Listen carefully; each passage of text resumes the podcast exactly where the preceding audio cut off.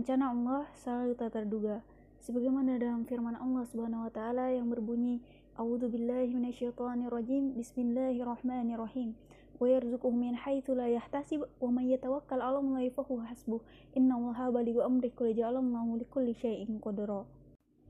Yang artinya dan dia memberinya rezeki dari arah yang tidak disangka-sangkanya. Dan barang siapa bertawakal kepada Allah niscaya Allah akan mencukupkan keperluannya.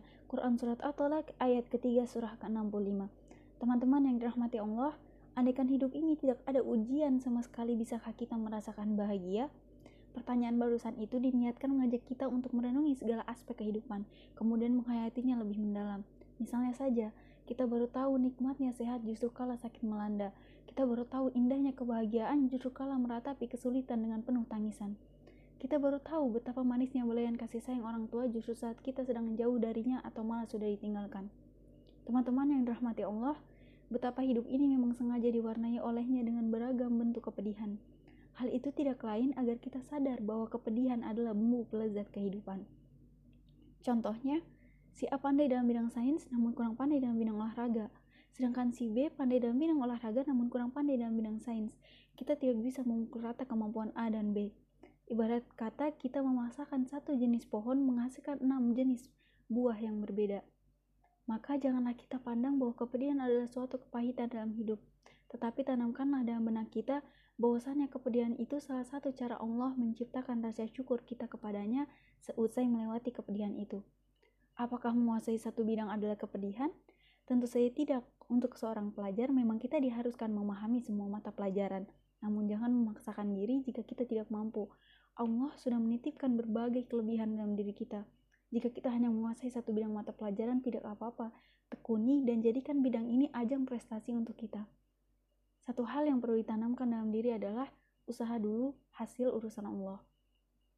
Syekh Abdul Qadir Al-Jailani pernah berkata, hanya Allah yang menguasai kebaikan dan keburukan, kemanfaatan dan keburukan, pemberian dan penolakan, awal dan akhir, kematian dan kehidupan, kemuliaan dan kerusakan, serta kekayaan dan kemiskinan. Maka dari itu, senantiasa yakinkan diri kita setiap hari bahwa rencana Allah sering kali tak terduga. Dalam kesulitan, tersimpan kemudahan di baliknya. Setiap kemalangan ada hikmah yang sengaja diselipkannya, bahwa memang dialah yang lebih mengerti diri kita, melebihi kita mengerti diri sendiri. Maka serahkanlah segenap diri kepada Yang Maha Agung. Ingatlah selalu kepadanya tentang rencananya yang sering kali tidak bisa disangka-sangka oleh sempitnya pandangan akal kita. Meskipun diri berkali-kali diterpa kesedihan, cukup ingatlah Allah semata, niscaya hatimu akan tenang. Tatkala kesedihan dengan seramnya datang menghampirimu lagi, Ingatlah Allah secercah cahaya yang akan senantiasa menaungimu. Tatkala penderitaan dengan irisan dan goresan luka ternganga menderamu kembali, ingatlah Allah pelita pengusir kegelapan yang mengukung nuranimu. Tatkala bisikan kegalauan dan hasutan untuk berputus asa datang membujukmu secara paksa, ingatlah Allah satu-satunya wujud keindahan yang menciptakan senyum penuh harapan pada wajah indahmu. Dalam soal agama, pandanglah ke atasmu. Dalam urusan dunia, lihatlah ke bawahmu.